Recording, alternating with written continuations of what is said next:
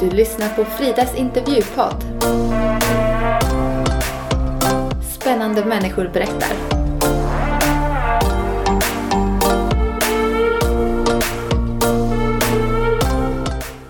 I det här poddavsnittet så ska ni få lyssna till Rut. Hon är en otroligt häftig kvinna som kämpar för den enskilda människan som människorättsadvokat. Hon har skrivit både artiklar och böcker och boken vi samtalar om särskilt i podden heter Till de utsattas försvar.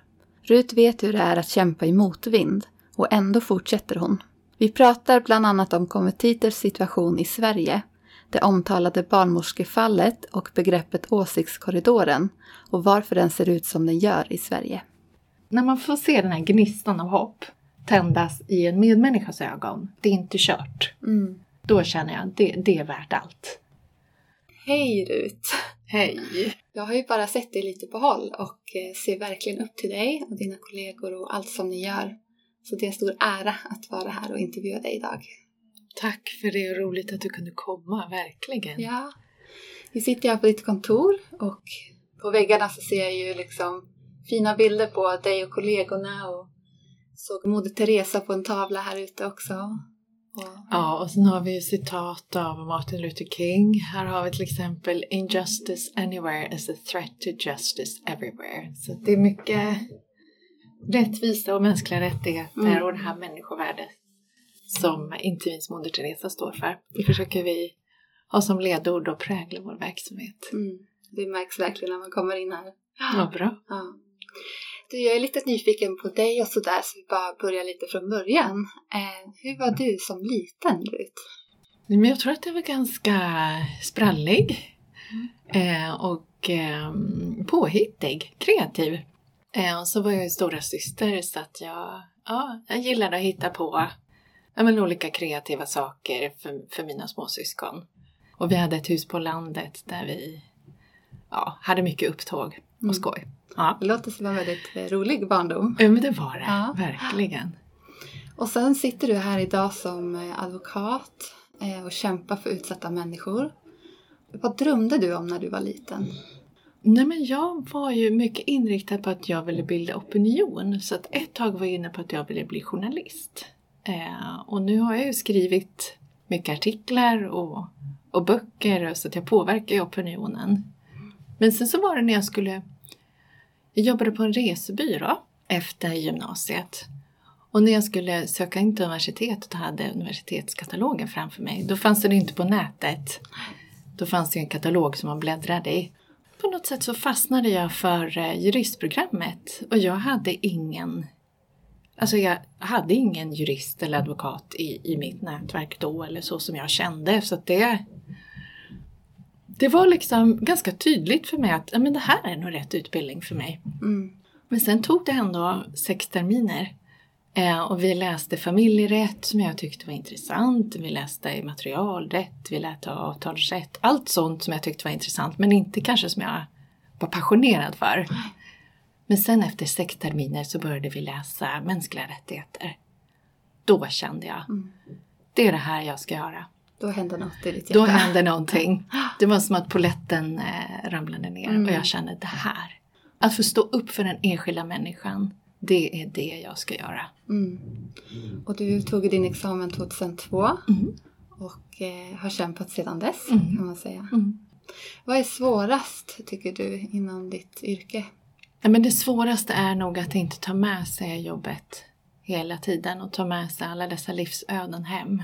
Eh, och det är någonting som man, jag tror även polis, åklagare, människor som jobbar med utsatta människor, som jobbar med svåra livssituationer eller människor i kris. Det kan nog vara så. Mm. Och jag har väl tänkt så här att å ena sidan så vill ju jag inte bli för distanserad heller. Eh, för den här frågan får man ju ofta när man människ- möter människor som har varit utsatt för tortyr eller jag företräder människor som riskerar att mista livet vid en utvisning och är förtvivlade och desperata. Och, och då ja, men kan det ju lätt bli att man, man vill ju göra allt sitt bästa och man kan alltid göra lite mer. Man kan alltid göra lite till. Eh, och någonstans där att också se att okej, jag får lita på rättsväsendet. Jag får lita på att den här processen har sin gång.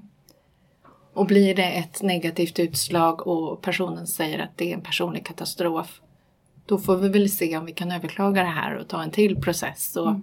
och att fortsätta kämpa i motvind. Mm. Så är det ju ofta mm. alltså. Mm.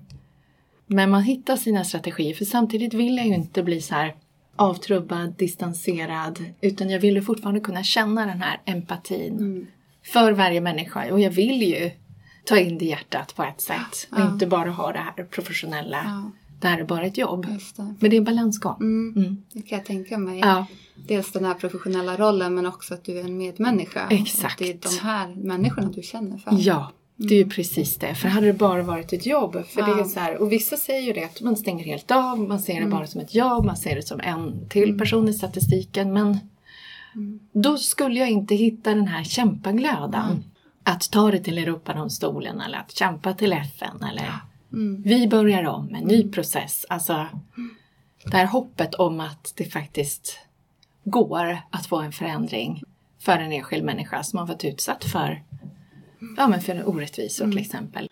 Det, och då behöver man det här extra faktiskt engagemanget ja. för att mm. orka det. Och eh, nu är det ju sekretess såklart på vissa mm. ärenden och så, så du får berätta det du vill och inte. Men eh, är det något särskilt ärende som har berört ditt hjärta extra? Ja, men det är det. Jag har ju skrivit två böcker. Jag har ju en av dem här. Ja, du har det! Jag tar fram den. Ja, men gör gärna det. Ja, och där beskriver jag ju några utav de här fallen som har berört mig oerhört mycket. Och det är dels förstås barnmorskan, mm. Elinor Grimmark. Dels alla offer för trafficking. Det... Ja, alltså det... Jag känner så här... Det är ofattbara siffror ju. Det är ju 40 miljoner människor vi pratar om som är slavar idag. Det är liksom det är dubbelt. Ofattbart. Det är helt ofattbart. Mm. Det är dubbelt så många som på William Wilberforce tid. Oj, eh, mm. och vad kan vi göra åt det? Och någonstans när man träffar en människa som har varit utsatt för denna enorma ondska och de här brotten mm. så kan man ju å ena sidan bli väldigt förtvivlad och känna att det är nästan övermäktigt att det här är en person av 40 miljoner. Hur mm. ska vi få en förändring? Det måste ju ske på internationell nivå, på global nivå. Men man måste börja en människa i taget. Mm. Jag skriver om en utav dem, jag tror att de är det i den boken eller så är det i den andra boken Mod att resa sig som jag skrivit med Lisa Lindqvist. Mm, Ängel på Malmskillnadsgatan. Mm. Det var ju en liten flicka som eh, tillsammans med sin mamma hamnade på en lägenhetsbordell i Italien. Mamman hade blivit lovad att hon skulle få ett bra jobb som frisör och hårstylist i Italien från sitt hemland i Afrika. Kommer dit och det är en lägenhetsbordell och mamman får ju panik och vill ju inte låta sin kropp säljas till de här eh, kunderna och fastnar i det här sexslaveriet så att hon vägrar. Mm. Och då låser de in mamman och dottern i ett rum och börjar våldta mamma framför ögonen på den här lilla femåriga flickan. Mm. Och bränner hennes rygg med cigaretter och um, stoppar pistoler mot tinningarna. Eh, och det gjorde att den här flickan blev så fruktansvärt traumatiserad så hon kunde inte äta, hon kunde inte leka, hon kunde inte prata längre. Var tvungen att börja med blöjor igen. Mm. Och så flydde de till Sverige och kom på ett skyddat boende men då skulle de utvisas eh, direkt. Och det ärendet, den här lilla flickan alltså och hennes mamma, alltså de kommer nog följa med mig hela livet tror jag. Mm. Men det slutade ju väl mm. i deras ärende. Vi kämpade eh, till Europadomstolen faktiskt och de stoppade utvisningen. Mm. Jag läste ju om det i din bok här, ja. så det var väldigt gripande. Mm. Det är många känslor som väcks i din bok, ja. kan jag säga. så, men äh, jag tänker också att det är många gånger som domstolen i Sverige tar ett beslut, till exempel för utvisning i det här fallet, och sen att Europadomstolen tar ett annat beslut. Hur kan det vara så olika, tror du? Mm. Ja, och jag skulle säga att i FNs kommittéer FNs kommitté för mänskliga rättigheter eller FNs tortyrkommitté, där är det ännu mer så. För där har vi haft över 50 ärenden bara de senaste åren. FN i många av de ärendena stoppar ju utvisningen. Mm. Så att, eh, och sen då får man en ny process i Sverige och då kan man använda det beslutet för att faktiskt få igenom ett nytt beslut även Mm. i Sverige. Men jag skulle väl säga att överlag så är ju processen rättssäker. Men vi har ju drivit till exempel många konvertitärenden. Och vi har skrivit en rapport som heter Konvertitutredningen, både 2019 och så var det väl 2020-2021 tror jag, som vi skrev en uppföljande rapport. Där tar vi upp väldigt många brister Mm. i rättssäkerheten tyvärr, I Sverige. i Sverige. Mm.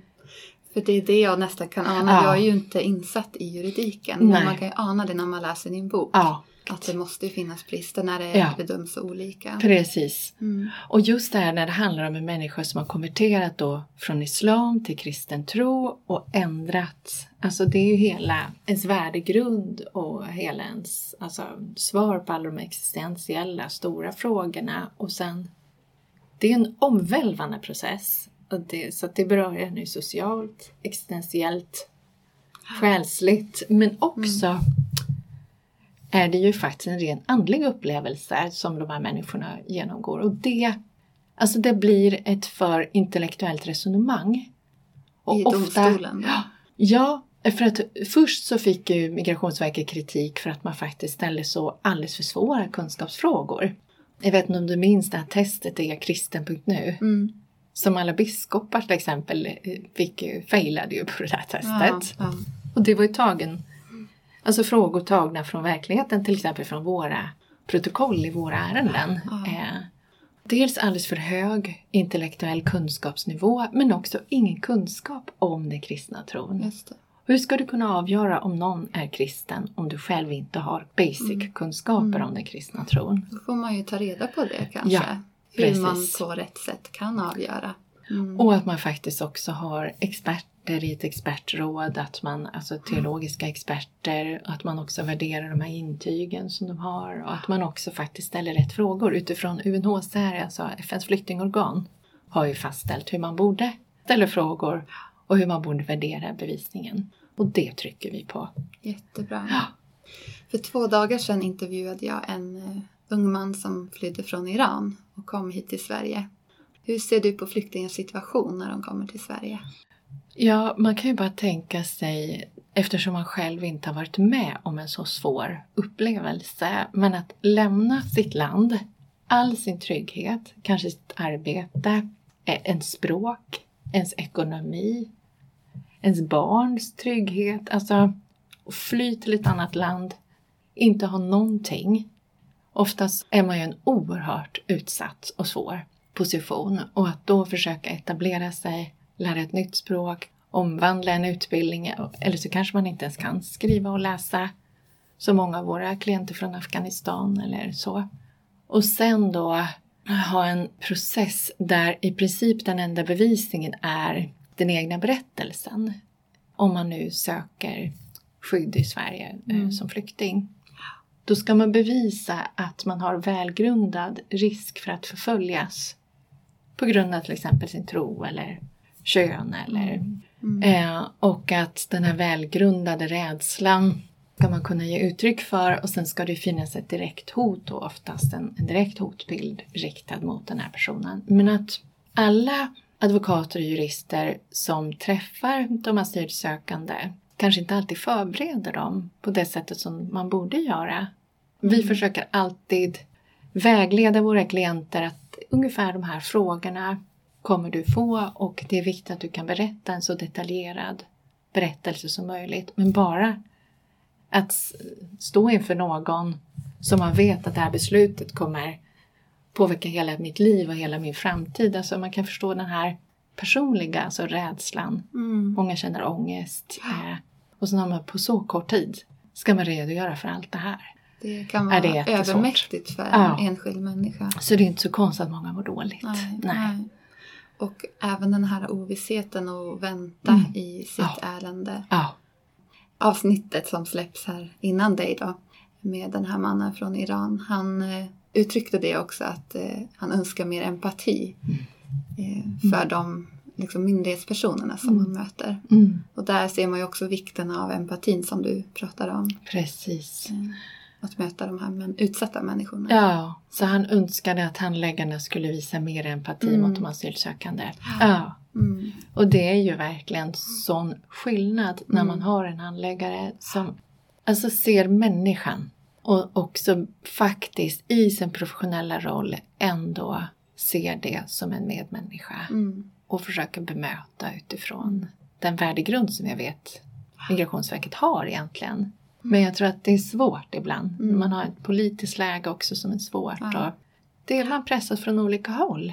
Och det är inte lätt att vara handläggare på Migrationsverket. Det är Nej. väldigt svårt och Det väldigt krävande. Det, Många saker att ta hänsyn till. ja, verkligen. Mm. Så att de gör ett jättebra jobb. Ja. Men, men den här Mm. empatin och medmänskligheten, den är Ja. så viktig. Den är så viktig. Mm. Ja. Ja. Vi pratade lite om rättssäkerheten i Sverige och så. Eh, är det något som du ser under dina år i arbete som du skulle vilja förändra i svenskt rättsväsende om du fick ändra på någonting? Ja, jo men det är det ju. Vi har ju många gånger lyft den här frågan om just konvertiters utsatthet och att det faktiskt inte är en rättvis eller rättssäker process där man inte har möjlighet att faktiskt få den bedömningen som man enligt internationella konventioner har rätt Ja. till. Men där tycker jag vi har haft en bra, en bra dialog med rättschefen faktiskt på Migrationsverket. Det är jättebra med dialog. Så. Ja, precis. För jag tänker så här. Man kan ju se väldigt mycket saker i polisväsendet. Alltså det behövs ju mycket mer effektiva utredningar. Det behövs ju professionalism. Eh, Det behövs ju mycket mer resurser till poliserna. Åklagarväsendet, alltså ibland kan man ha tre olika åklagare som sätts in på ett ärende. Det kan vara ett barnärende, ett- barn som har utsatts för ett brott. Och man kan se brottsoffer får inte den upprättelse de borde ha. Man kan se nämndemannasystemet, brister i det. Man kan se så mycket olika saker men vi riktar ju in oss framförallt på kränkningar av mänskliga rättigheter. Och där har ju vi sett just risken för att bryta mot artikel 3, FNs konvention mot tortyr. Det är ju ett så allvarligt brott. Mm, verkligen. Och där blev ju Sverige fällt för brott mot FNs tortyrkonvention i ett av de ärendena som vi drev till FNs tortyrkommitté. Och det var en, en konvertit från, från Afghanistan som eh, skulle skickas tillbaka till eh, sitt hemland och resten av familjen skulle få stanna i Sverige. Man sa att han inte var trovärdig. Det här var mitt under pappas cancerbehandling. Skulle utvisa yngste sonen. Oj, oj, oj. Så att i det ärendet så fälldes Sverige för brott mot eh, rätten att inte behöva utsättas för tortyr, artikel 3 i tortyrkonventionen. Så att det känner vi att man faktiskt tar hänsyn till till exempel de här besluten och implementerar dem i faktiskt handläggningen av liknande ärenden. Kunde det ske, ja då kan man ju påverka på en mer strukturell nivå. Spännande att Mm. höra dina tankar, du som Mm. är insatt i Mm. processen. Rut, när jag läste din bok så väcker det mycket känslor som jag nämnde och eh, jag blir sällan arg men jag blev väldigt frustrerad och nästan gråtfärdig stundvis också. Mm. För det handlar verkligen om enskilda människor där orättvisa är så hemskt. Och man ser också hur eh, jag upplever att du har blivit väldigt orättvist behandlad också. Ja, men, kring media och journalisterna har inte heller lätt. Men det här med osanning och orättvisa, det, det väcker någon, någon slags Mm. frustration. Mm. Du, du skriver ju också här om din match i den svenska åsiktskorridoren. Mm. Hur trång eller hur bred tycker du att den här åsiktskorridoren är i Sverige idag? Ja, alltså det är ju ett väldigt intressant begrepp i sig. Det var ju statsvetaren Henrik Ekegren Oskarsson som myntade begreppet åsiktskorridoren. Jag tycker att det är väldigt bra. Mm. Alltså man ser framför sig den här långsmala mörka korridoren och det är svårt att komma därifrån. Alltså Mm. den är lite, man blir lite kvävd där inne. Ja. Eh, och jag hade ett samtal med honom inför att jag skrev den här boken. Och vi samtalade om, eh, men vad, vad är det som gör att det är så trångt i, i just Sverige? ja, det har jag också funderat på. Ja, Mm. vad tänker du? Oj, nu får jag frågan här. Ja, det känns ju som någon rädsla på något sätt att, att inte sticka ut. Ja. Eh, Jag vet inte om det har med jantelagen eller vad det kan ha att göra med. Ja, Eh, För att det är inte så i andra länder på samma Nej, sätt. det är inte kan man alls... inte jämföra så helt. Men... Nej, men alltså du har Mm. rätt i det. Ja, och jag skriver faktiskt om det, om jantelagen. Alltså, nåde dig om du sticker ut, om du har en avvikande åsikt. Alltså jag, jag gör om jantelagen till att passa åsiktskorridoren Mm. i min bok. Just det här att, för den är ju mer så här, tro inte att det är någonting, Mm. jag tror inte att du kan lära oss någonting. Mm. Men här är det så här, tro inte att du kan ha den här avvikande åsikten utan att det får faktiskt konsekvenser om du inte rättar dig i ledet. Om du inte tycker Som som, vi andra. tycker, eh, så minsann så ska vi Mm. misstänkliggöra dig, Mm. vi ska stigmatisera dig och vi kommer frysa ut dig. Mm, mm. För vi har ju tolerans mot mycket, men mot vissa saker har Nej. vi ingen tolerans. Och det är det som är lite märkligt. Ja. Jag gillar ju när man är konsekvent. Exakt så. Mm. Och det är det också som är rättvisa. Mm. Och mänskliga rättigheter handlar ju om att jag är beredd att liksom offra allt för att jag håller inte med dig. Men som någon upplysningsfilosof lär ha sagt att jag håller inte alls med dig men jag skulle dö för din rätt att få uttrycka din åsikt. Precis. Som jag inte delar. Och någonstans är ju det demokratins grundvalar. Att faktiskt värna om till exempel då samvetsfrihet. Vad är det som blev så oerhört Ja. omdebatterat och omdiskuterat. Och det var ju inte det var ju inte nyanserat någonstans. Ver- Alla mot en. Ja, Ja. det verkade poppa upp i fel sammanhang också. Ja, Att du, du blev ju kallad för abortmotståndare i helt andra sammanhang. exakt. Vi skulle ha en konferens mot trafficking. Eh, och sen jag då som den här barnmorskans ombud. Och för de som inte vet så var det då barnmorskan Elinor Grimmark som inte ville medverka vid aborter utan ville jobba på förlossningsvården som, som en barnmorska. Och då eh, blev hon ju jämförd med jihadister och IS-krigare och Trump och Hitler, jag vet inte vad. Alltså det Mm. var helt fruktansvärt. Mm, mm. Det är svårt att svara på kanske, men varför tror du att eh, abortfrågan i Sverige är så känslig? Ja, jag tror att väldigt många kvinnor i Sverige har ju gjort abort. Jag minns inte exakt statistiken om det var kanske var fjärde kvinna eller något sånt där. Jag tror att de flesta har också gjort mer än en abort. Så att då antingen har man gjort abort själv eller så kanske man känner någon då som har gjort abort. Det väcker ju ganska mycket frågor om vad är rätt och vad är fel och är det inte ett människoliv? Alltså många existentiella frågor. Och jag skriver ju det att min syster har gjort en abort. Och berättade det här för mig. Och att någonstans så måste man ju se de här människorna som sina medsystrar. Eh, inte bara min egen syster och jag står ju upp för, för alla som på något sätt går igenom svåra, svåra, svåra saker.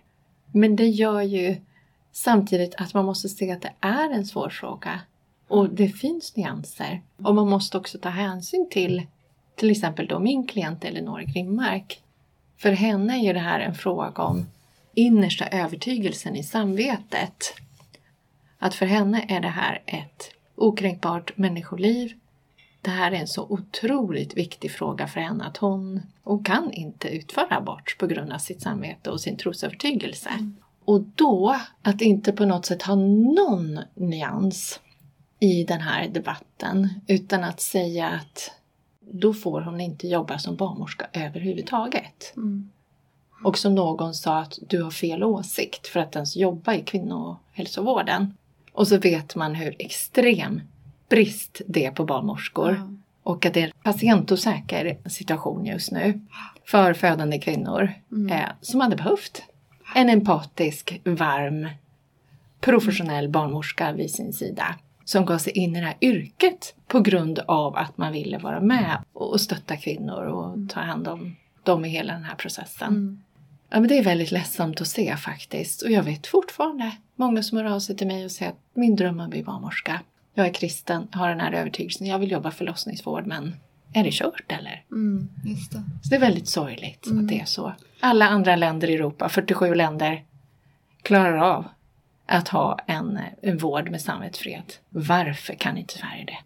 Och att vi nästan inte har någon nyanserad debatt alls, utan Nej. det är locket på, det är fel åsikt. Och Exakt så. då stänger man. Ja, man kan inte ha två saker i huvudet samtidigt. Man måste kunna se, ungefär som vi gör med dödshjälpsfrågan. Just det. Den hanterar vi bra i Sverige tycker jag. Och det är lite som du pratar om, just den här åsiktskorridoren igen som vi kommer Ja. tillbaks till. Ja då. men precis den är så. väldigt trång i Ja Sverige. visst, exakt. Mm. Det här hatet som du har fått möta och som dina klienter får möta stundvis. Hur, hur bevarar du ditt hjärta mjukt liksom? Ja, det är en bra fråga tycker jag. För det är ju någonting man måste göra ständigt, alltså varje dag. Eh, och där tycker jag att alltså trons kärna är ju på något sätt att, att vara ödmjuk eh, inför Guds godhet mot oss alla människor och, och Guds nåd mot alla människor och att hämta, hämta styrka ur Guds kärlek. Det skulle jag säga är nummer ett. Att tron, den kristna tron är också en drivkraft. Att fortsätta att kämpa emot orättvisor och, och så. För det har jag också funderat hur du orkar. Mm. För att det har varit en lång kamp Ja. på vissa ärenden. Ja, Och hur du orkar hålla Ja. ut, hur du orkar fortsätta Ja. med den här motvinden som Ja. du beskrev. Jag hade en jätteintressant samtal med Brian Stevenson som är grundare av ehm, eh, International Justice Mission. Det var en, en biofilm om honom som heter Just Mercy som var fantastiskt bra. Han sitter alltså och hjälper som advokat, människorättsadvokat, dödsdömda fångar på death row Mhm. i USA. Jag ställde samma fråga till honom. För att jag blev så fascinerad över att alltså, det här är människor som väntar på att få sin dödsdom. Alltså jättemycket orättvis behandling. All bevisning är emot dem. Det är i princip kört. Vartenda fall han tar upp är i princip kört. Och då sa han så här, men, men Rut, har du inte tänkt på att hoppet, det är vår superkraft. Vi bara klänger fast vid hoppet. Att tänk om det går att få en förändring. Tänk om vi skulle fortsätta. Tänk om den tionde gången Ja. att vi vinner. Ja. Så att hoppet Ja. är nog en, han har rätt i det, hoppet Mm. är en drivkraft och en superkraft. Faktiskt när man, när man kämpar för, Mm. för enskilda människor. Och då värt all kamp kanske. Ja, det det där är lilla, det. lilla hoppet. Precis! Och skulle en människas liv kunna få förvandlas eh, Ja. för det då? Då är det ju värt det. Mm. Moder Teresa är ju också ett, jag läser mycket av henne och, och, och William Wilberforce nämnde jag, Martin Luther King och alltså andra. Man ser på dem stora liksom människorättshjältarna, då Mm. var det ju det här att eh, aldrig ge upp hoppet utan fortsätta kämpa hela tiden. Mm. Och så tittar man på sina medmänniskor kan man hitta, tycker jag, så många föredömen som till exempel alla hjältar inom vården som jobbar Mm. palliativ vård till exempel. Som sitter med döende människor varje dag. Och sen tycker jag också titta på liksom maratonlöpare. Jag tycker det är fascinerande att man orkar Ja. liksom. Man måste ju ha någon slags drivkraft för att orka. Ja, precis. Och jag brukar tänka att det, det, är liksom, det är ingen kort distans. Utan det är några maraton vi får springa här. Men Mm. att när man får se den här gnistan av hopp tändas i en medmänniskas ögon. Det är inte kört. Mm. Då känner jag att det, det är värt allt. Det är som att ljuset tänds i ögonen igen. Liksom. Ja. Och det är ju nästan de människorna som man kommer ihåg i historien som kanske inte var, vad ska man säga, hedrade under sin livstid alltid. Men i efterhand ser man deras kamp emot vinden som till slut har fått igenom någonting som de har drömt om. Ja, och för mig var det till exempel då med Brian Stevenson. Alltså det, det bara slog in i mig, den, den boken och den filmen. Alltså, och det är en livslevande människorättshjälte som jag verkligen ser upp till. Ja, jag tyckte det var oerhört inspirerande faktiskt att, att prata med honom om det här. Och vi gav honom vårt pris, Scandinavian Human Dignity Award. Häftigt. Och sen Dennis Mukwege till exempel är ett annat exempel som vi... Från Kongo där. Precis, Mm. Panzisjukhuset som Mm. där jag känner oj, oj, oj hur han jobbar så nära de här alltså tusentals kvinnor som har varit Mm. utsatta för sexuella övergrepp, eh, Mm. framförallt i krig och konflikter. Mm. Och hur han orkar eh, en kvinna i taget. Vi gav honom också vårt människorättspris året innan han fick Nobels fredspris. Oj, oj, ni var lite Ja, föregångare. precis, exakt. Eh, så att, och han har ju också den kristna tron Ja. som, eh, som en drivkraft. Egentligen så tror jag att man måste se att lidandet i sig, att det, det finns inget lidande som är meningslöst om man räknar med Gud. Så är det ju. Mm. Jag har intervjuat eh, din vän Elisa Lindqvist också. Ja. ja, men hon är ju också ett föredöme verkligen. Att Ja. resa sig från mörker och fruktansvärda övergrepp och förmedla det här ljuset nu till så många unga tjejer. Där ser man ju att eh, ingen situation är omöjlig när man Precis. tittar på hennes liv. Exakt, så hon når ju till konfirmander, till, eh, till unga människor och även till de kvinnorna som hon möter varje fredag på Malmskillnadsgatan. Mm. Ett fantastiskt föredöme och inspiration. Mm. Vi ska strax börja avsluta lite här men eh, jag tänkte bara säga till de lyssnarna som har lyssnat på din berättelse. Vad skulle du vilja säga till dem? Nej men nummer ett, att det aldrig är kört och att det aldrig är hopplöst utan att det finns hopp och att det finns en möjlighet att oavsett vad som ligger bakom och vad som kan kännas tungt och, och svårt just nu att försöka hitta det här hoppet. Och där är ju såklart det största man har det är ju, det är ju tron och tryggheten i att jag behöver inte kämpa i egen kraft utan att jag kan också bara öppna mig och ta emot Guds kraft.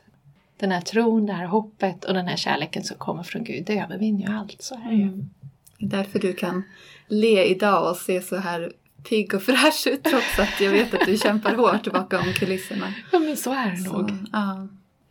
Och eh, om någon av lyssnarna känner någon som är utsatt eller själv behöver hjälp i olika former av rättsprocesser hur gör man då för att kunna få hjälp, tror mm. du, på bästa sätt? Om man har varit utsatt för brott så tycker jag då ska man absolut ringa till polisen. Och sen så kan man också vända sig till oss då på Människorättsadvokaterna och bara skriva till info människorättsadvokaterna.se eller ringa till oss på 018 750 52 11. Så kan ju vi hjälpa till med alla juridiska frågor. Kvinnofridslinje finns ju, det finns jourhavande präst om man behöver samtala med någon. Men det juridiska hjälper vi gärna till med. Mm. Rut, jag vill nästan inte avsluta den här intervjun för att du är en så spännande person och det är just därför jag verkligen har sökt dig för intervju. Eh, men jag vill bara önska dig lycka till i ditt fortsatta arbete och din kamp för de här utsatta människorna du företräder. Så hoppas jag att vi ses igen. Tusen tack för det och tack för att jag fick vara med.